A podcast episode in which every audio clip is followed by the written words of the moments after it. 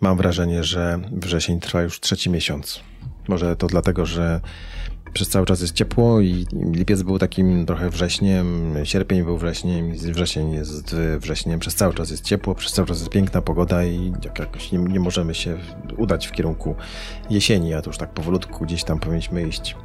Tak czy inaczej, wrzesień dla nas był miesiącem eksperymentów. Jak zauważyliście, na pewno pierwszy raz nagrywaliśmy podcast poza studiem. Był to podcast nagrywany w Karpaczu. Podcast, jeżeli nie słuchaliście, bardzo polecam o tym, czym Poznań się różni od Wrocławia i czym Wrocław różni się od Poznania. Ciekawa, ciekawa rozmowa.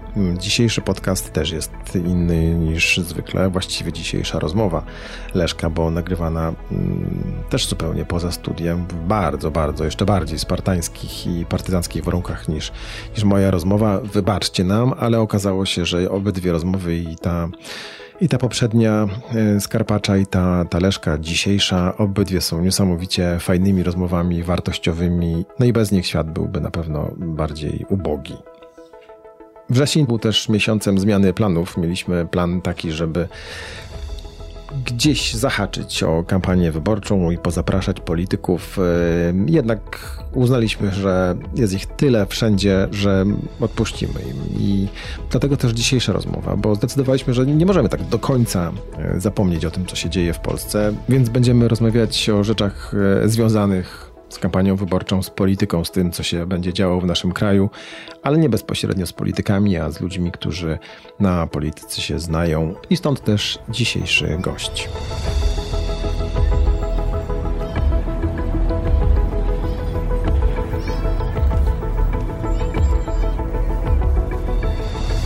Nagranie i produkcja podcastu szumstudio.pl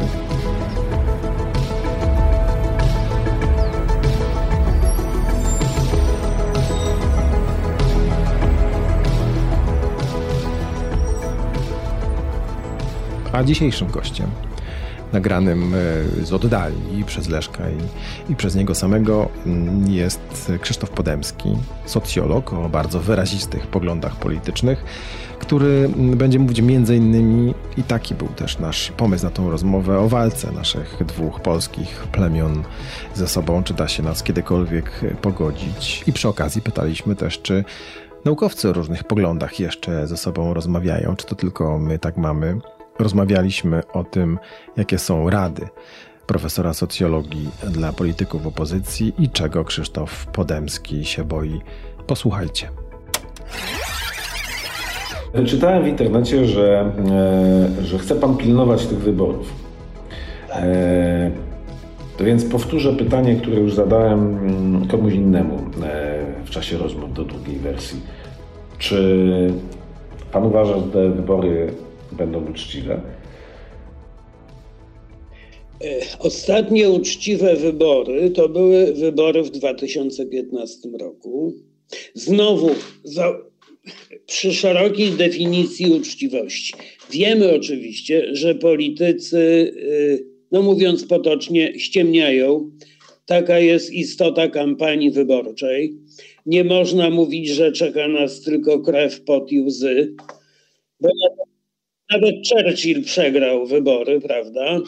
E, wiadomo, że Unia Demokratyczna i Unia Wolności także zeszły ze sceny, bo mówiły często, e, no, jak jest i co jest możliwe.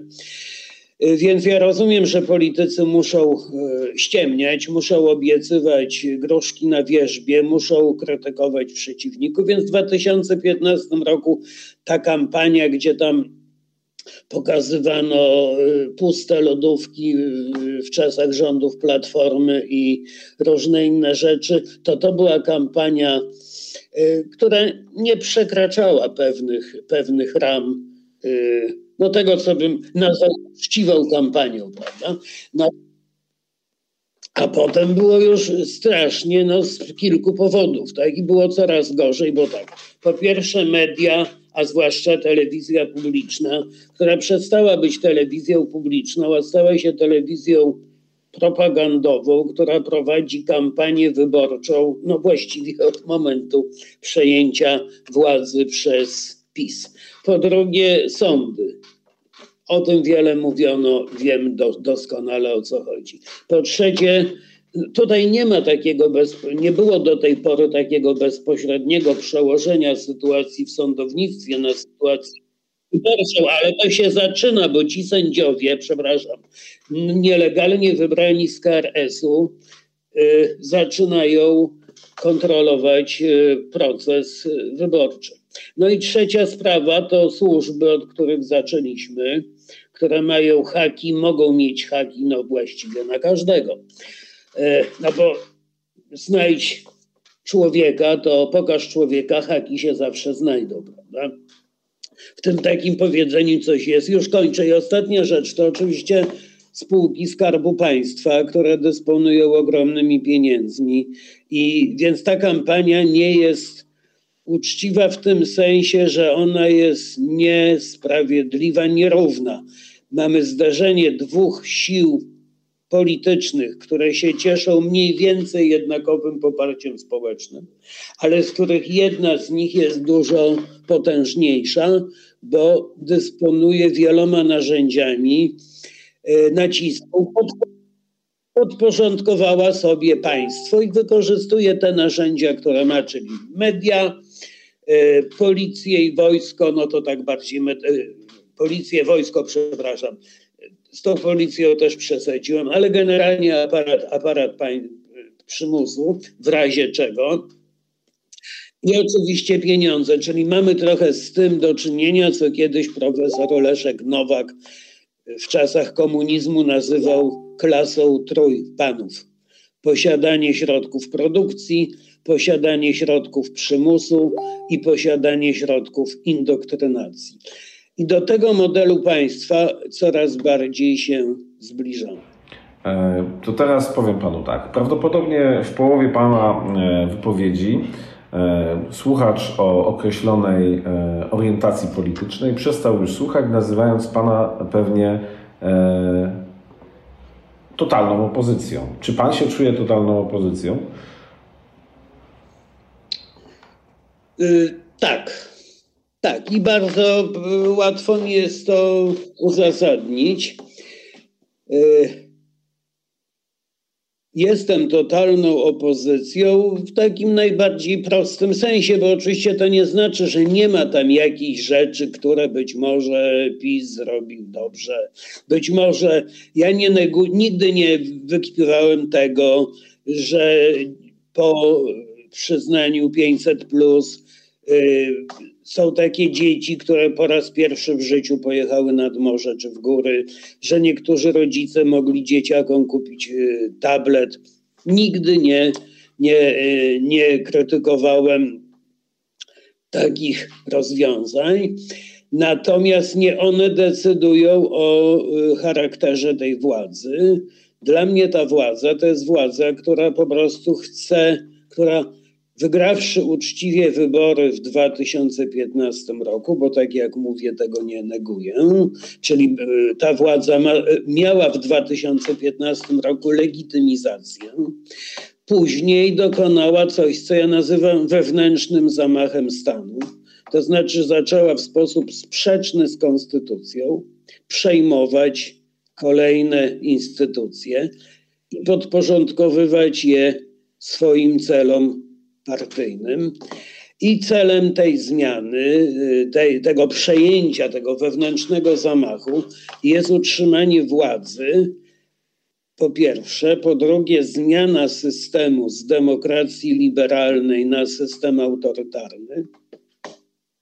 I chyba po trzecie, cofnięcie Polski z drogi modernizacji i powrót do II Rzeczypospolitej, a w niektórych wypowiedziach, bo przecież możemy znaleźć takie wypowiedzi, no właściwie książka Czarnka jest potępieniem nowoczesności, ba, jest potępieniem wszystkiego, co jest potępieniem oświecenia, potępieniem wszystkiego, co nastąpiło po rewolucji francuskiej. Oczywiście do tego potępieniem kontrkultury, y, feminizmu, queer i tak dalej, i tak dalej, ale w zasadzie podręcznik Czarnka, najbardziej rozwinięta forma ideologii PiSu jest apoteozą społeczeństwa sprzed rewolucji francuskiej. Takie poglądy Chciałem, jak... panu też... zadać teraz obiektywne pytanie, ale e, a propos e, książki Czarnka, ale trudno mi być obiektywnym w sytuacji, kiedy podręcznikiem, który co do zasady powinien przedstawiać fakty albo różne poglądy na jakąś sprawę, podręcznikiem staje się wywód spojrzenia jednej osoby na świat, więc nie będę tutaj obiektywny. No właśnie, tylko to już pominąwszy to, bo oczywiście bardzo często jest tak, no wiele podręczników jest autorstwa jednej osoby, prawda? Chodzi o to, że ta jedna osoba ma poglądy, ma poglądy skrajne, bo to nie można powiedzieć, że to są poglądy y, konserwatywne że mamy od, tak sobie mamy liberałów, socjaldemokratów i teraz mamy konserwatystów. To nie są poglądy konserwatywne, to są poglądy kontrrewolucyjne, to są poglądy reakcyjne. To jest próba restauracji systemu sprzed rewolucji francuskiej. No a co było przed rewolucją francuską? Monarchia yy, i feudalizm. Yy, no, takie można powiedzieć są konsekwencje odrzucania dorobku oświecenia rewolucji francuskiej i rewolucji amerykańskiej. No i także Konstytucji 3 maja, chociaż oczywiście tego jawnie się tam nie mówi. Czy, czy pan teraz sugeruje, że podręcznik Czarnka tak naprawdę jest, yy, zdradza prawdziwe intencje PiSu? Tak, myślę, że tak. Podobnie jak te prawdziwe intencje PiSu zdradzał kiedyś Marek Jurek, który przecież jawnie e, propagował e, powrót do czasów sprzed rewolucji francuskiej. Pamiętam, gdy na uniwersytecie rozwieszał e, plakaty promujące msze za powstańców Wandei i no, sam brałem udział chyba w takiej debacie kiedyś, w której on w zasadzie no jawnie się przyznawał, że dorobek nowoczesnej Europy, rewolucja francuska, oświecenie to jest największe zło, jakie może mogło spotkać y, Europejczyków. No i to samo jest y, naprawdę w książce Czarnka. To jest dla mnie najgorsze. Nie to, że tam jest zepchnięty na dalszy plan Wałęsa, wyeksponowani są Kaczyńscy, bo to jest no, dosyć tani chwyt y, dosyć tania manipulacja, czy prosta manipulacja i tani chwyt propagandowy, ale ta wizja świata, która no jest naiwna, bo nie można cofnąć y, dziejów i nie można nawet, gdyby tu wprowadzić, no wiemy, że w Iranie czy w Afganistanie się udaje, prawda? cofnąć wehikuł czasu i powrócić do rygorów kulturowych, które w tych krajach już też przecież były, były y, przez całe lata nie obowiązywały. Prawda? Więc ja nie wierzę w sukces tej opowieści, ale to, że może uda się doprowadzić do wyjścia Polski z Europy, co byłoby no, nieszczęściem, tragedią porównywalną z, no, z końcówką XVIII wieku, to niestety nie wydaje się być niemożliwe. To sobie to zostawię na później. Najpierw jednak pytanie o to, jak to możliwe, że skoro Pan jako naukowiec mówi takie rzeczy, tyle osób mówi takie rzeczy, to 30-35% Polaków jednak wybiera taką opcję. E, czy oni chcą takiej Europy, takiej Polski, e, czy, e, czy oni nie wiedzą, że to jest taka opcja? A może, może Pan po prostu złośliwie odczytuje PiS? Myślę, że niektórzy chcą, niektórzy chcą. Nowoczesność y, dla wielu ludzi jest nie do zniesienia, prawda? To, że kobiety y, odzyskały głos, to, że y, homoseksualiści pragnęliby zalegalizować swoje związki, to dla wielu ludzi jest, to, że ludzie przestali chodzić do kościoła, to z pewnością dla pewnego niewielkiego, kilkuprocentowego no właśnie dla kilku procent Polaków to z pewnością faktycznie jest nie do, nie do zniesienia, nie do wytrzymania. Traktują to jako coś strasznego. E, większość z tych, którzy popierają PiS, e, albo o tym nie wie, bo tego nie ma w publicznych mediach. My przeceniamy trochę zainteresowanie Polaków życiem publicznym. Przecież gdyby połączyć widzów wszystkich programów informacyjnych, to to i tak jest mniejszość dorosłego społeczeństwa. Młodzi ludzie w zasadzie młodzi, ja już myślę na, o moich studentach, przecież oni w zasadzie w ogóle nie korzystają z tak zwanych mediów mainstreamowych, ani nie czytają wyborczej czy polityki, ani nie oglądają żadnej z telewizji publicznych. Żyją w świecie raczej Instagrama, YouTube'a, Facebooka i tak dalej. Yy, także ludzie wielu rzeczy nie wiedzą, a poza tym myślę, że to jest największa grupa E, tych, którym to nie przeszkadza. Tak jak i to, tą postawę nieprzeszkadzania najlepiej obrazuje to powiedzenie, które jest straszliwe, ale jest strasznie prawdziwe. Kradną, ale się dzielą. I myślę, że to jest klucz do postaw wielu, wielu no, naszych rodaków. Bo poprzedni się kradli, ale się nie dzielili. No właśnie, tak. Oczywiście, czy ta kradzież była e, na tym samym poziomie, czy nie, to jest do dyskusji.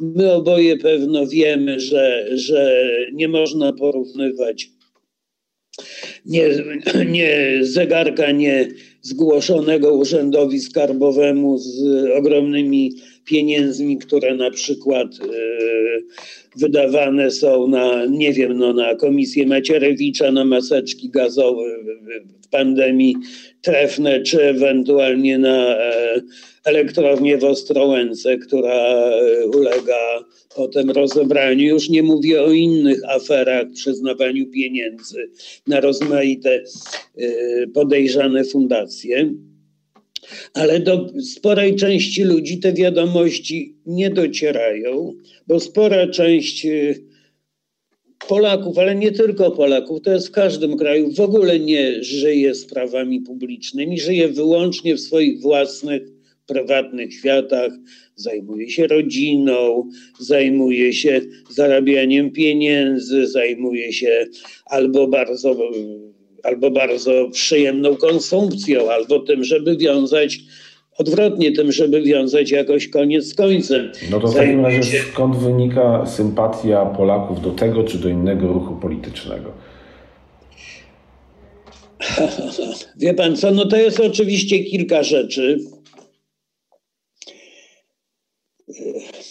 Ludzie mają różne. Po pierwsze, pamiętajmy o tym, że mówimy o góra 60% społeczeństwa polskiego, które, o tych 60, które bierze udział w wyborach, a czasami to jest poniżej 60, to jest około połowy. Nie wiemy, ile to będzie tym razem. To może naprawdę około 50% może wziąć udział w wyborach, może nawet mniej, a może ciut więcej, bo to różnie wyglądało. Więc możemy mówić co najwyżej o nieco większej no to niepoprawne powiedzenie, większa połowa, ale zdroworozsądkowo rozumiemy je.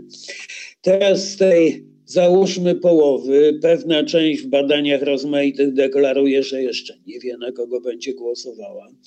Więc powiedzmy sobie tylko, pewna część, nawet tych, którzy biorą udział w wyborach, ma jakieś swoje sympatie i, i, i y, deklaruje y, polityczne, ideologiczne.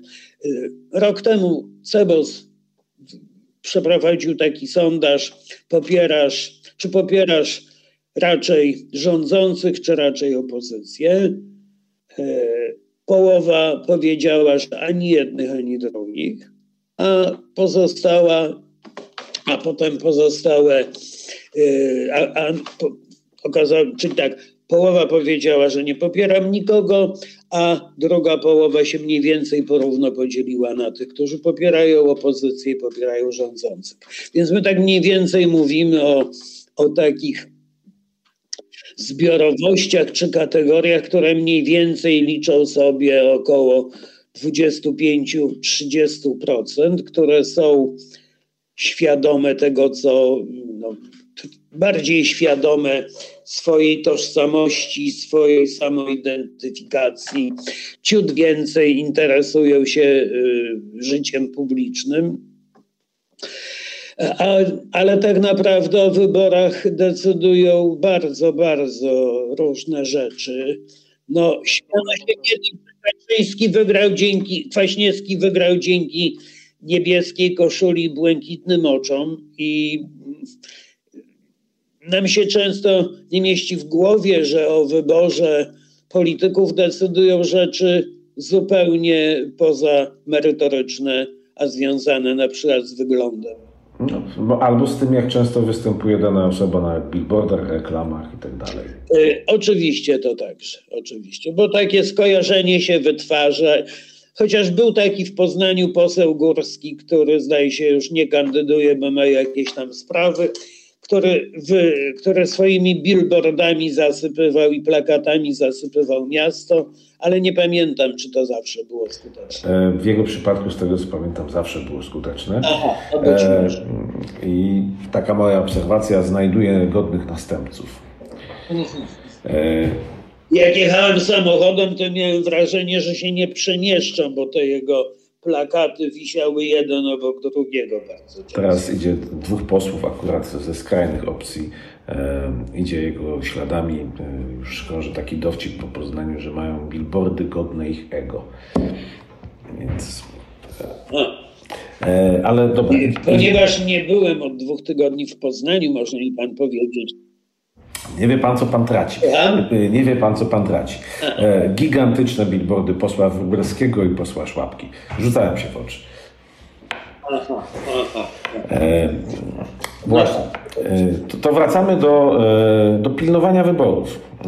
Wracamy do pilnowania wyborów. Deklarował pan, że przypilnuje, że będzie pan w tym gronie ludzi, którzy przypilnują. Obawia się pan oszustw wyborczych?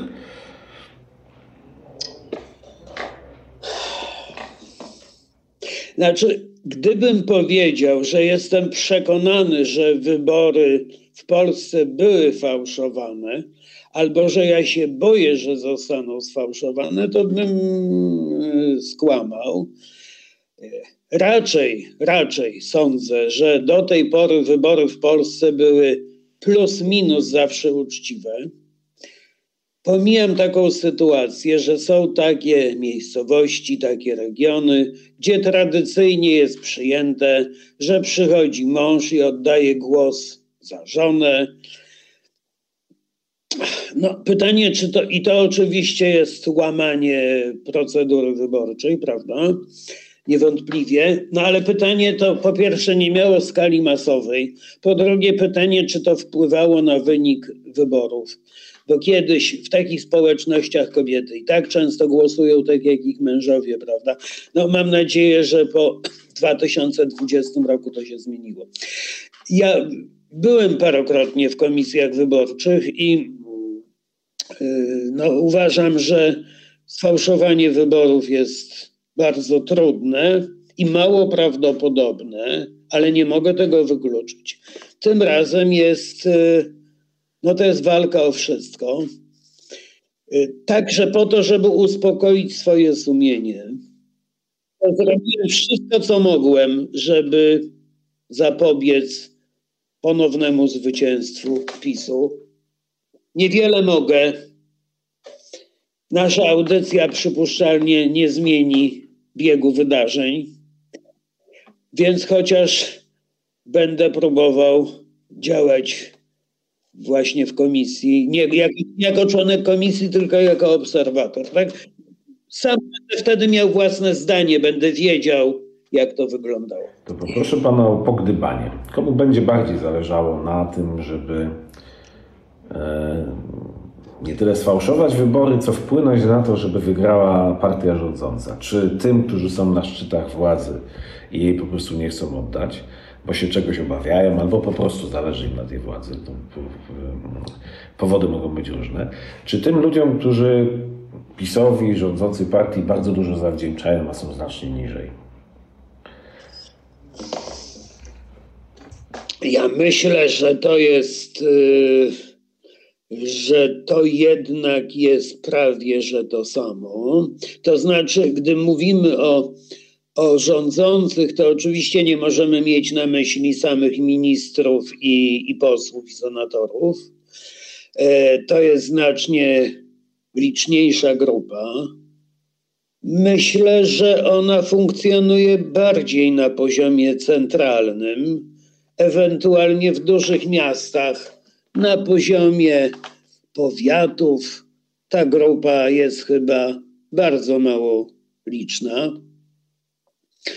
E, więc ja bym tutaj nie obawiał się. A te wszystkie tak, rodziny, które siedzą w radach nadzorczych, spółkach, spółeczkach. No tak, tylko ja wiem, tylko no powiedzmy nawet jeżeli ktoś ma rodzinę 50 czy 100 osobową, no to najprawdopodobniej wszystkim szwagrom, bratankom, siostrzeńcom, teściowym nie załatwi fuchy. Więc y, to nie jest chyba tak, że wszyscy z rodzin są beneficjentami. Poza tym my wiemy, że rodziny są głęboko podzielone. No, nawet w rodzinie premiera Morawieckiego mamy przecież sytuację, w której bratanek jest aktywistą LGBT, aktywnie zwalcza politykę swojego, swojego wuja. To właściwie uderzył Pan w, miejsce, w którym, o które już od dłuższego czasu chcę zapytać, o te podziały. Czy to jest. E, odnoszę wrażenie, że mamy dwie Polski, e, albo nawet cztery Polski. E, bo mówi się o tym, że, że polityka, zaostrzająca się polityka wojny między dwoma frakcjami doprowadziła do tego, że też społeczeństwo podzieliło się według tej linii podziału e, według e, poglądów politycznych. Ale czy, czy tak naprawdę jest, że Polacy się podzielili? Tak jak politycy, przynajmniej tak jak politycy w telewizji, no, często oni na wizji się kłócą, a, a poza wizją już nie. Czy to naprawdę jest tak, że Polak z Polakiem się nie dogada albo się pokłóci na noże przez politykę? Czy Pana zdaniem to dotyczy wąskiego kręgu ludzi? A tak naprawdę Polacy żyją swoim życiem. I czy jeżeli te podziały mamy, no takie bardzo rozbudowane pytanie robię, ale czy jeżeli te podziały takie mamy już, to one się będą pogłębiać? Czy jest szansa na, na zakopanie tego, tego rowu? Y, dobrze. Myślę, że mamy to, co Pan nazywa podziałem, nazywa się w socjologii czy w politologii polaryzacją. No i rzeczywiście można powiedzieć, że to, co cechuje politykę nie tylko polską. W XXI wieku to jest polaryzacja, jakiej od lat nie było. No przecież nawet przed wojną politycy sanacji i endecji, przynajmniej w pewnych okresach, potrafili pójść razem na wódkę. Nie ma wątpliwości, że jeszcze 15 lat temu politycy w polskim parlamencie z różnych opcji rzeczywiście, tak jak pan mówi, bo sam widziałem, mówili do siebie po imieniu, e, pili razem wódkę, chodzili do, do, do, do knajpy, dyskutowali. Teraz wydaje mi się, że to już jest niemożliwe. Ta polaryzacja idzie od góry, to znaczy mamy trzy poziomy polaryzacji mamy polaryzację tak zwanych elit symbolicznych. Elity symboliczne to ci wszyscy, którzy mówiąc kolokwialnie, robią w słowie, czyli mówią, czyli piszą, czyli politycy, naukowcy, przynajmniej w naukach społecznych, publicyści, komentatorzy, pisarze, poeci, artyści. I tu jest ogromny podział, tak? Te elity symboliczne ten podział rozpoczęły. Myślę, że początkiem tego podziału jest katastrofa w Smoleńska, która była nieszczęściem oczywiście, no przede wszystkim tym nieszczęściem fizycznym, że zginęło 96 osób, najpewniej w koszmarnych cierpieniach i osierociło swoich najbliższych, ale drugą katastrofą smoleńską jest dla mnie to, że ona doprowadziła do ogromnego podziału politycznego. Pojawiło się to parę tygodni czy parę miesięcy po samej katastrofie, wtedy gdy y, obóz, który wygrał wybory, został oskarżony przez obóz, który wybory przegrał, o współudział w wymyślonym wydarzeniu, czyli w zamachu. I ta nienawiść, która się wtedy pojawiła, jest tym pierwotnym czynnikiem polaryzacji. Pokazują to rozmaite badania socjologiczne.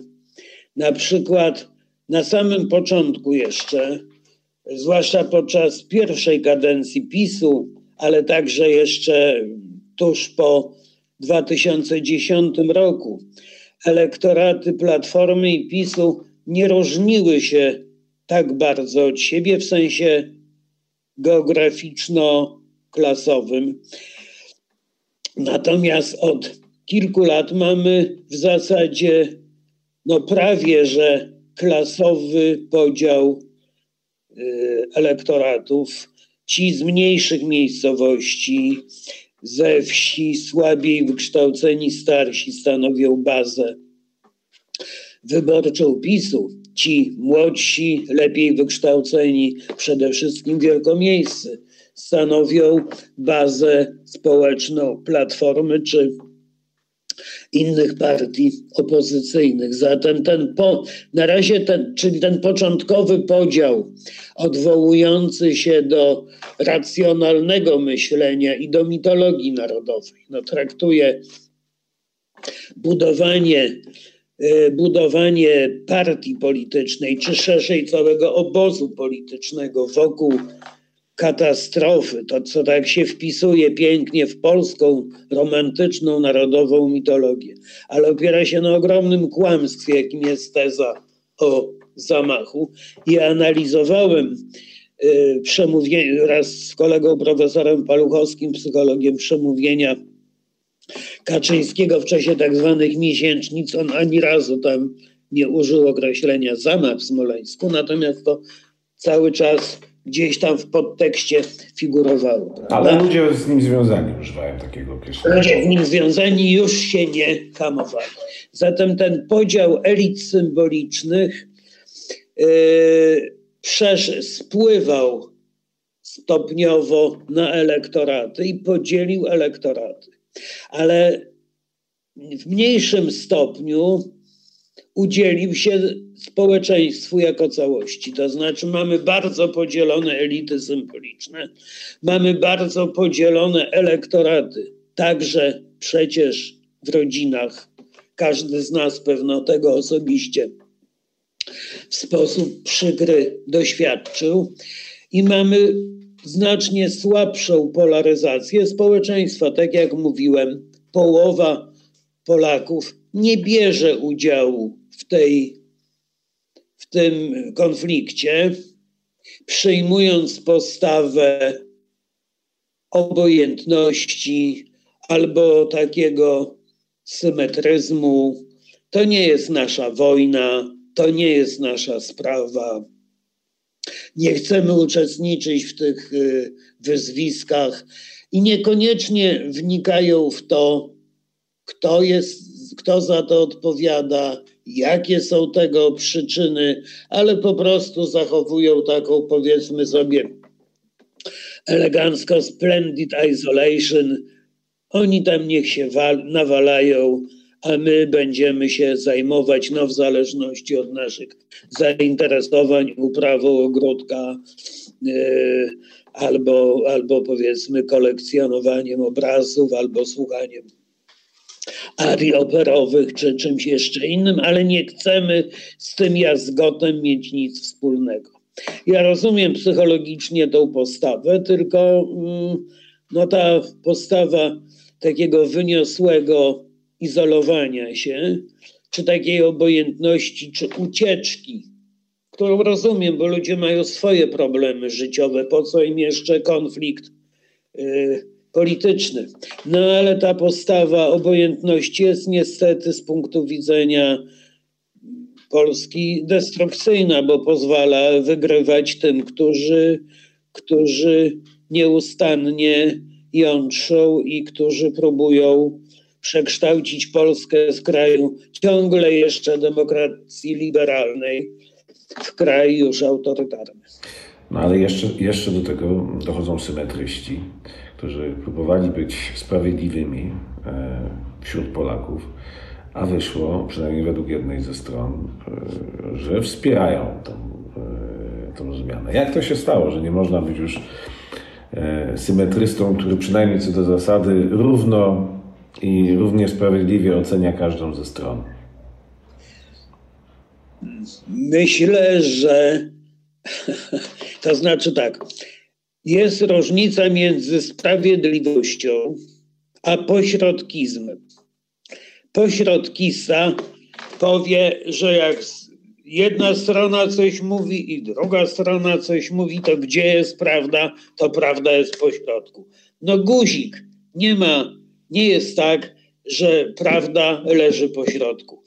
Czasami prawda jest bliżej jednego krańca, czasami bliżej drugiego.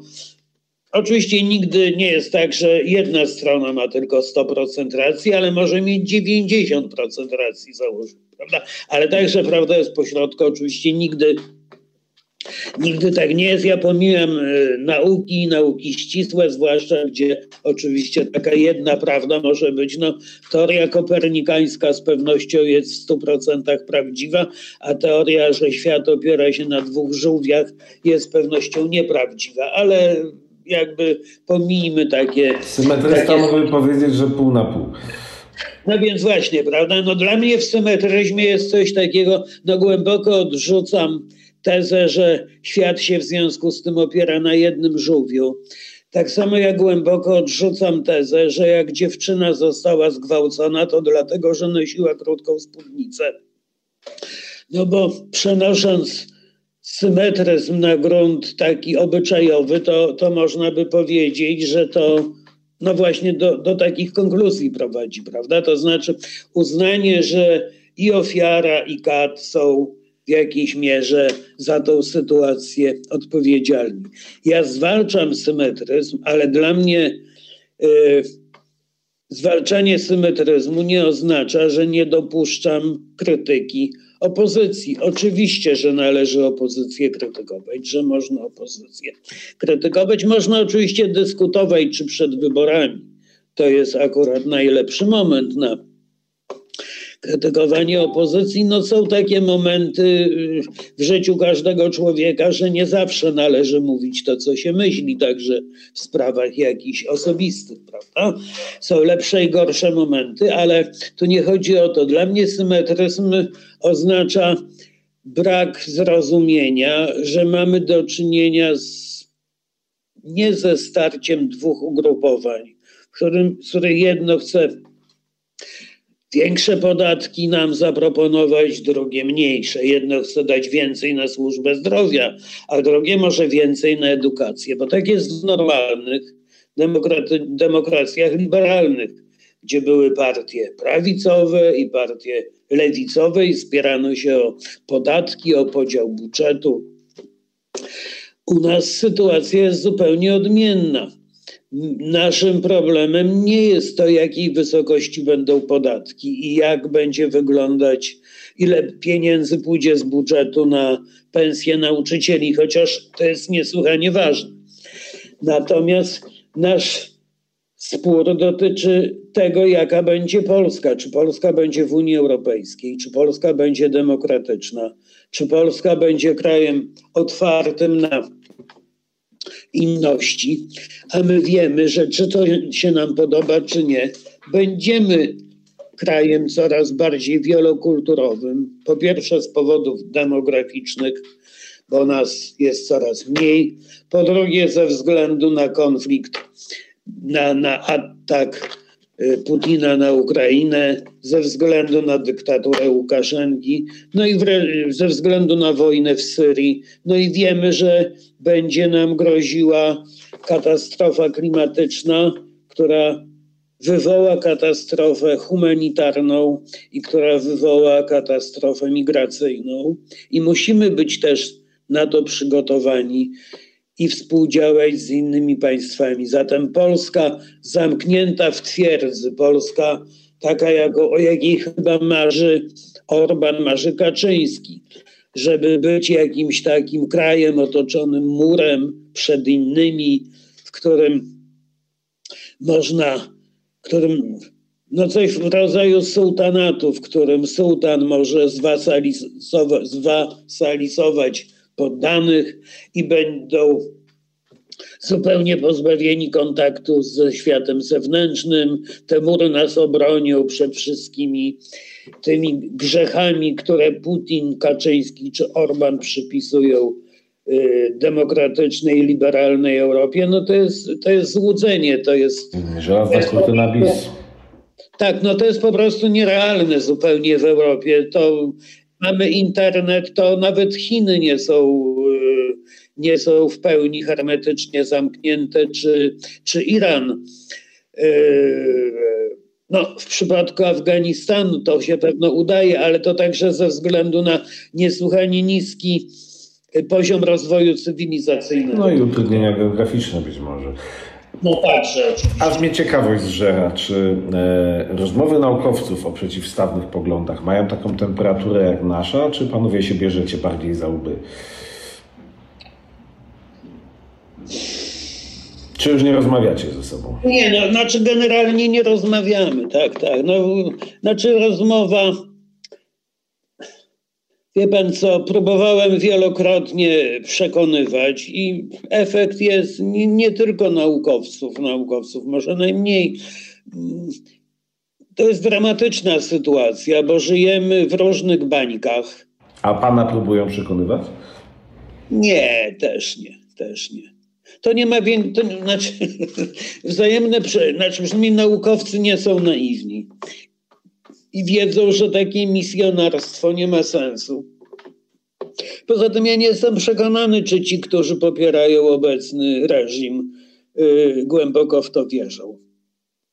Ja przyznam, że mam zupełnie inny stosunek do, do wyborców PiSu, którzy rzeczywiście no, doznali rozmaitych upokorzeń, krzywd, żyją żyją biednie, są niewykształceni, którzy doznali szoku transformacyjnego, którzy nie akceptują też tych zmian kulturowych, nigdy nie byli za granicą i nie rozumieją, że dwóch facetów może iść e, ulicą trzymając się za rękę, bo dla nich to grzech, prawda? Ja nie mam pretensji, że im się ten świat nie podoba i że oni głosują na PiS.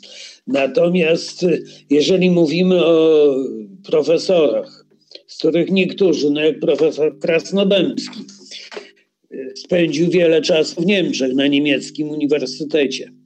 Gdy mówimy o politykach, którzy także z tytułami naukowymi, którzy są w Europarlamencie, którzy są dobrze wykształceni, to tutaj mam ogromne pretensje. Nie wiem, czy oni przekonani są do tych swoich wizji, czy nie. Powiem szczerze, niespecjalnie mnie to interesuje. Natomiast y, no, uważam, że y, sytuacja, w której uczony, w dodatku przedstawiciel nauk społecznych, wspiera reżim autorytarny, co oczywiście miało i swoje e, e, przecież e, pierwowzory w III Rzeszy, prawda? No wystarczy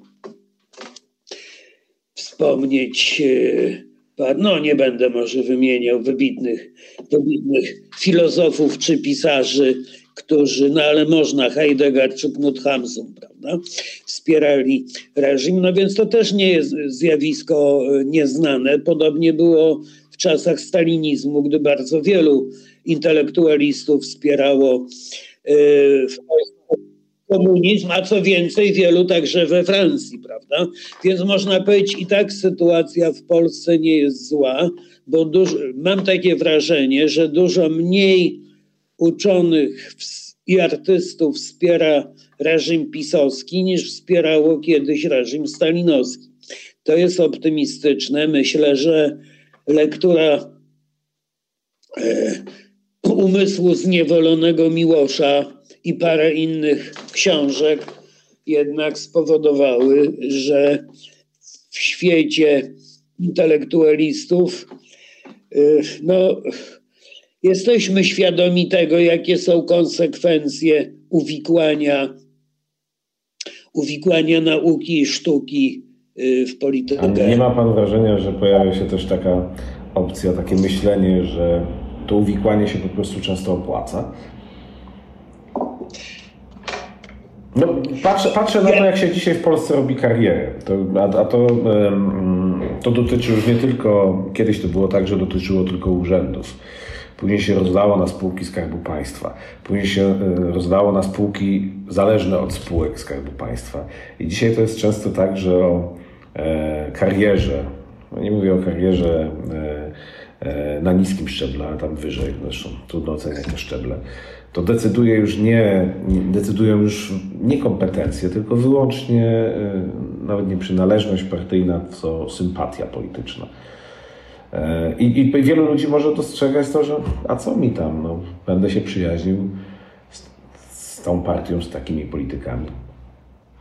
Ja panu powiem tak, wydaje mi się, że w przypadku środowiska prawniczego tak właśnie się dzieje. To znaczy ci, no przecież Przyłębska w, w normalnych warunkach nigdy w życiu nie była prezesem Trybunału Konstytucyjnego. To jest po prostu, y, no, bym chciał powiedzieć postać kabaretowa i sytuacja kabaretowa, ale wcale nie jest mi do śmiechu.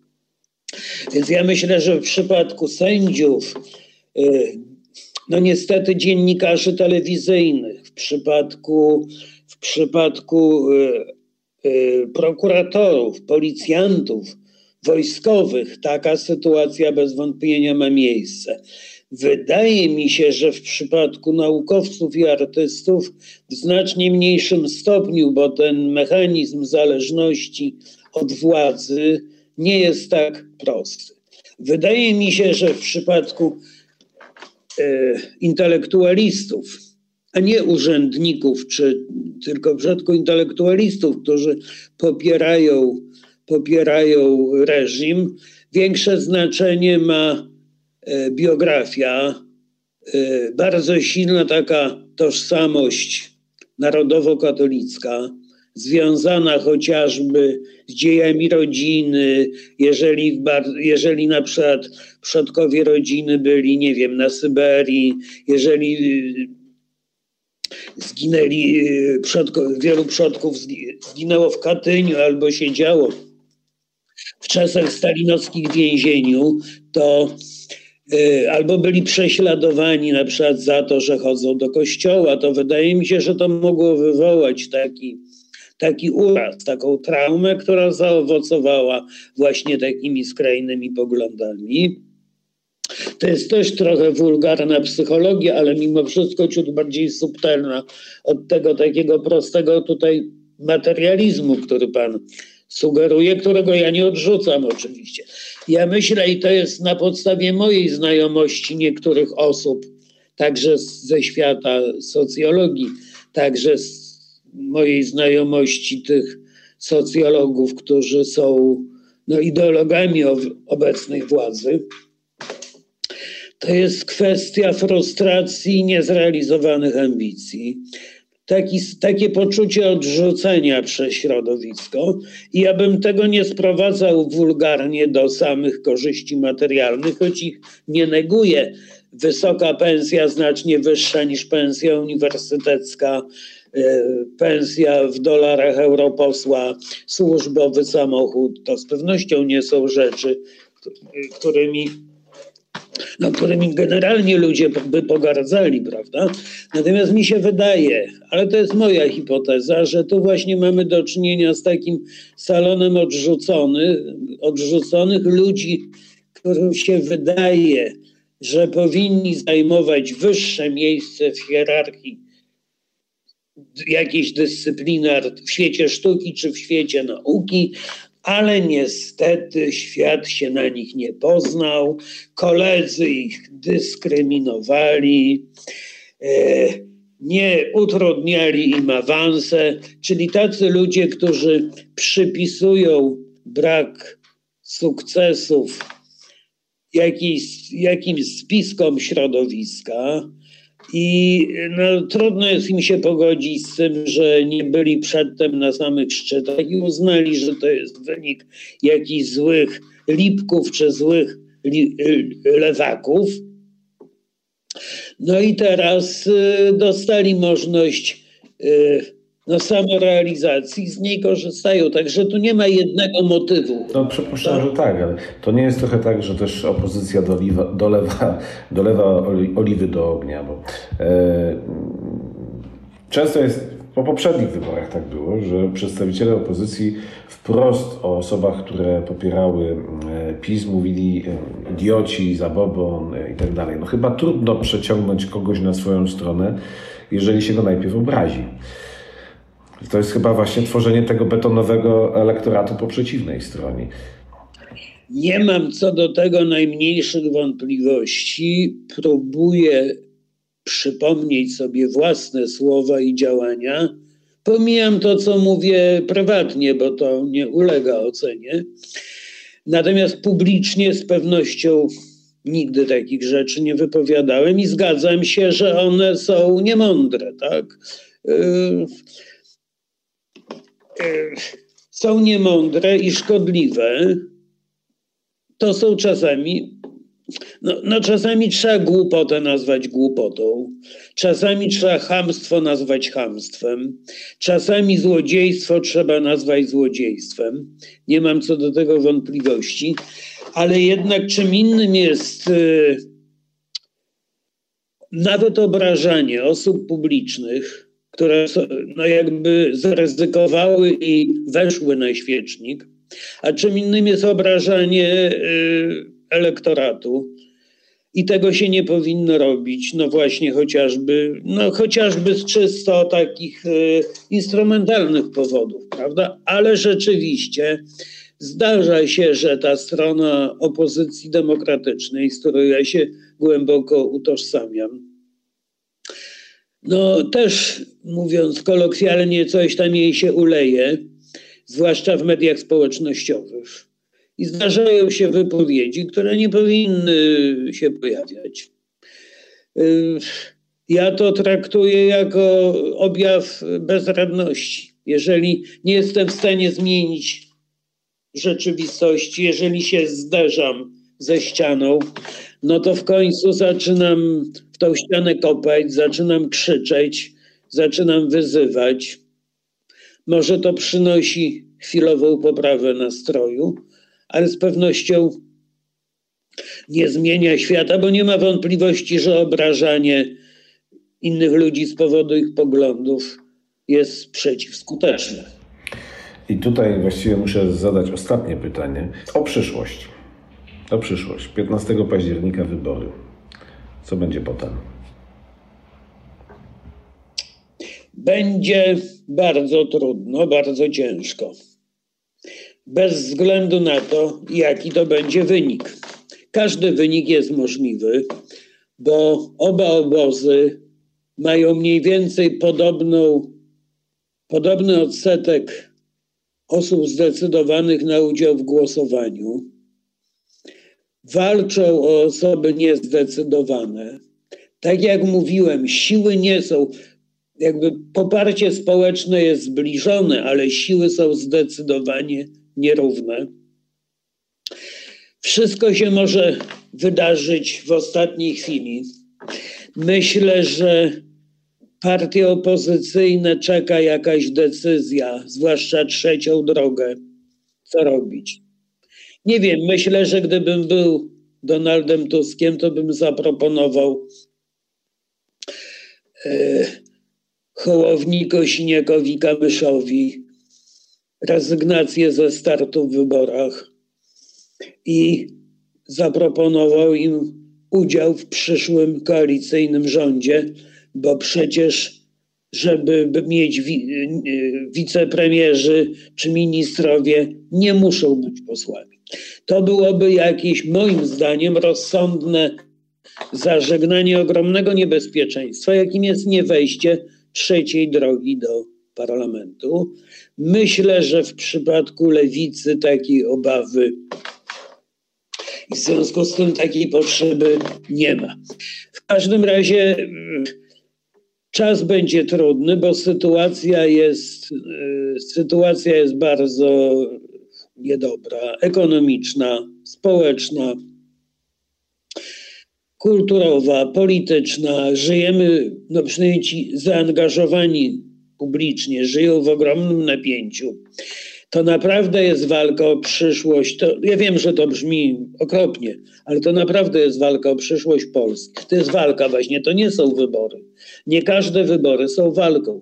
Nawet te wybory w 1989 roku nie były brutalną, pełną nienawiści walką dwóch stron. Dogadano się wcześniej, prawda? Nie było. Pan mówił o wojnie wyborczej. W 1989 roku to był plebiscyt, ale to nie była wojna. W tej chwili mamy nie tylko plebiscyt jaka Polska, ale mamy jednak do czynienia z wojną.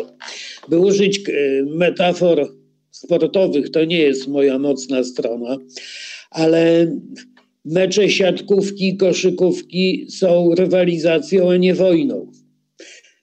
Mecze piłkarskie nie muszą być wojną, mogą być rywalizacją, ale jak wiemy w praktyce bardzo często są wojną, nawet gdy są starciem się dwóch drużyn, jak kiedyś słynne konflikty między Wisłą a Krakowią.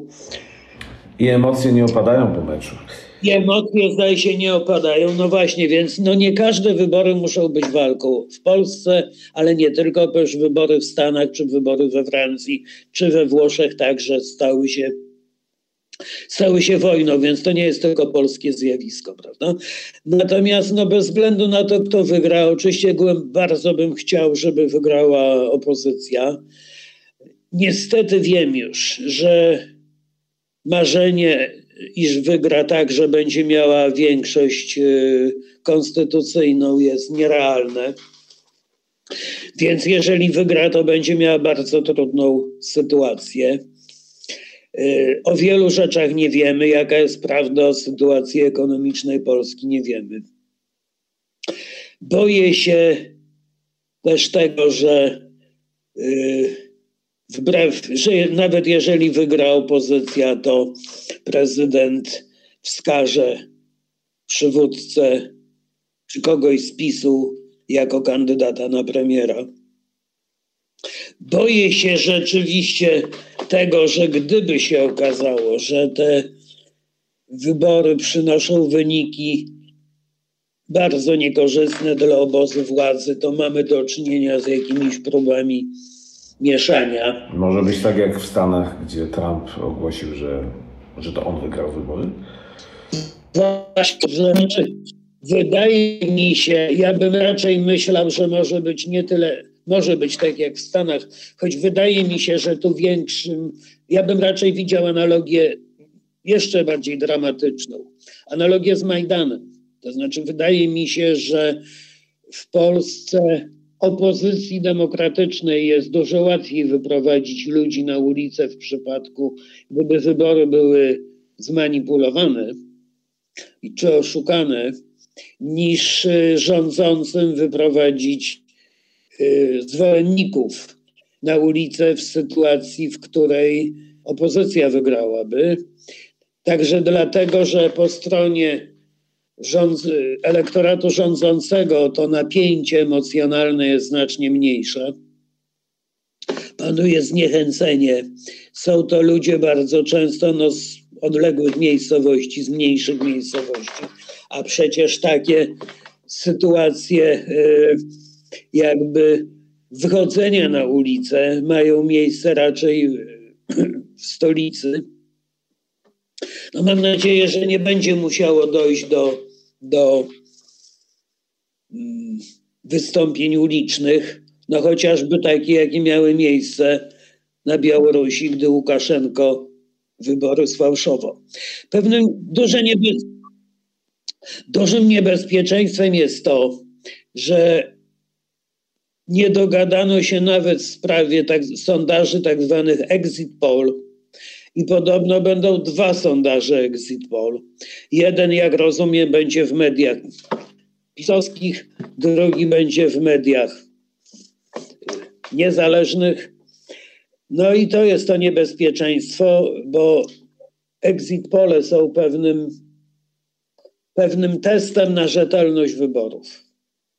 Gdyby, nie daj Boże, odpukać, gdyby były różnice między dwoma tymi sondażami istotne, to bardzo się boję tego, co będzie się wtedy działo, bo wtedy będzie bardzo łatwo jednej bądź drugiej stronie przekonać swój elektorat, że wybory zostały zmanipulowane, oszukane, bo przecież to jest też tak, że również strona pisowska może zarzucić naszej stronie demokratycznej manipulacje wyborcze. Tak? Panie profesorze, i tu niestety stawiam kropkę, e, bo mnie już czas goni. E, więc dziękuję za rozmowę. E, moim i Państwa gościem był profesor Krzysztof Podemski, socjolog, który się z poglądami nie kryje.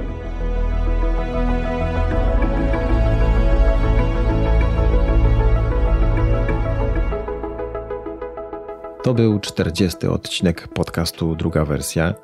Mm, jak zauważyliście, o wielu rzeczach Leszek, y, które dzisiaj są gorącym tematem, Leszek nie zdążył porozmawiać z Krzysztofem Podemskim, bo jest trochę tak, że żyjemy w takim tempie politycznym, że to, co rano było tematem wieczorem już przestaje być zepchnięte przez kolejne, kolejne tematy. Postaramy się za tym nadążać, postaramy się rozmawiać z kolejnymi specjalistami, którzy będą próbować w każdym razie tłumaczyć nam w jakim świecie żyjemy, tłumaczyć nam te procesy, które zachodzą i w polityce, i w społeczeństwie wokół wyborów, trochę może nas straszyć, trochę nas yy, pewno też uspokajać. Pewne jest to, że do 15 października, a cokolwiek się nie wydarzy, na pewno także po 15 października będziemy żyli w niesamowitym wirze i pędzie politycznym.